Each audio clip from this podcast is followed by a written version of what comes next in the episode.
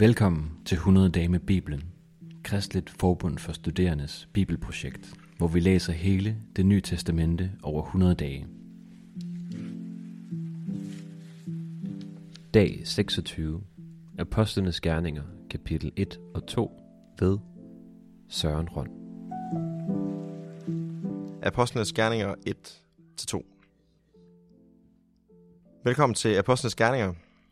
Jeg har lyst til at sige, at øh, I kan spænde sikkerhedsselen, for det her det er en hæsblæsende fortælling om, hvordan evangeliet spredes fra Jerusalem til Rom. Det er adresseret til Theophilus, ligesom Lukas evangeliet i øvrigt er. Og der er ikke ret mange, der er uenige om, at de to skrifter nok har den samme forfatter. Og Theophilus han har formentlig været sådan en højt, højtstående person, en rig person i samfundet. Og ideen er så, at ved at han er modtageren, så er det hans ansvar at sprede det til andre, det her skrift. Og det er skrevet til hedningekristne, det vil sige sådan nogen som dig og mig. Apostlen fylder i virkeligheden ikke så meget i det her skrift. Øh, temaet er mere, hvordan evangeliet det spreder sig fra Jerusalem til Rom. Først så giver Lukas sådan en kort previously øh, opsummering. Hvad der skete tidligere. Altså Jesus han har været sammen med disciplene efter sin opstandelse fra de døde. Og der sagde han, at de skulle vente i Jerusalem, indtil Helligånden kommer. Og så blev Jesus løftet op i skyerne, og den her lille gruppe af kristne går så til Jerusalem. Og vi får en liste over, hvem det var, der var med der.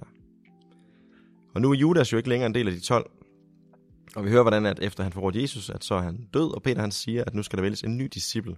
Og det skyldes selvfølgelig, at valget af 12 disciple ikke er helt tilfældigt, men repræsenterer de her 12 stammer i Israel. Og det nye Israel, de kristne, har på den måde også 12 stamfædre. 12 ledere, kan man sige. Og blandt dem, som har været med fra Jesus fra begyndelsen, så vælger de så to ud, og øh, Mathias ender med at blive den 12. disciple. Og det er vigtigt med en ny apostel, der har været med hele vejen, så det er altså en, der både kan vidne om og bekræfte sandheden i evangeliet om, at Jesus han er Herren, at han er Kristus. Så når vi til kapitel 2. Der har vi den legendariske pinsedag. Jesus han havde lovet dem, at Helligånden vil komme over de kristne, og det sker, og de begynder at forkynde på en måde, så alle mulige folk kan høre det på hver sit modersmål. Og det gør folk ret forvirret, og nogen konkluderer så, at de nok har drukket. Og det store ståhej, øh, som det selvfølgelig har givet, det har samlet en stor folkemængde.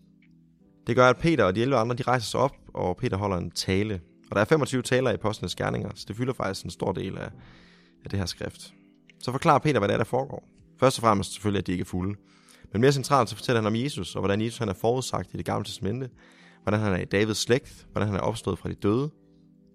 Og øh, de 12, som står der, det er de vidner på, at Jesus han er Herre og Kristus. Vi læser i Hebræerbrevet, at Guds ord det er som et tvækket svær. Og her sker der det, at det stikker dem i hjertet. Det synes jeg er en flot formulering. Og Peter han kalder til omvendelse og dåb i Jesu navn til syndernes forladelse. Og så vil de også få helligånden, siger han. Så møder vi øh, apostlene udad til, som nogen, der forkynder evangeliet, og indad, indad til, så hører vi, hvordan de kristne er fælles om alt, hvordan de mødes i templet hver dag, hvilket var naturligt for jøderne, og de priste Gud sammen, osv.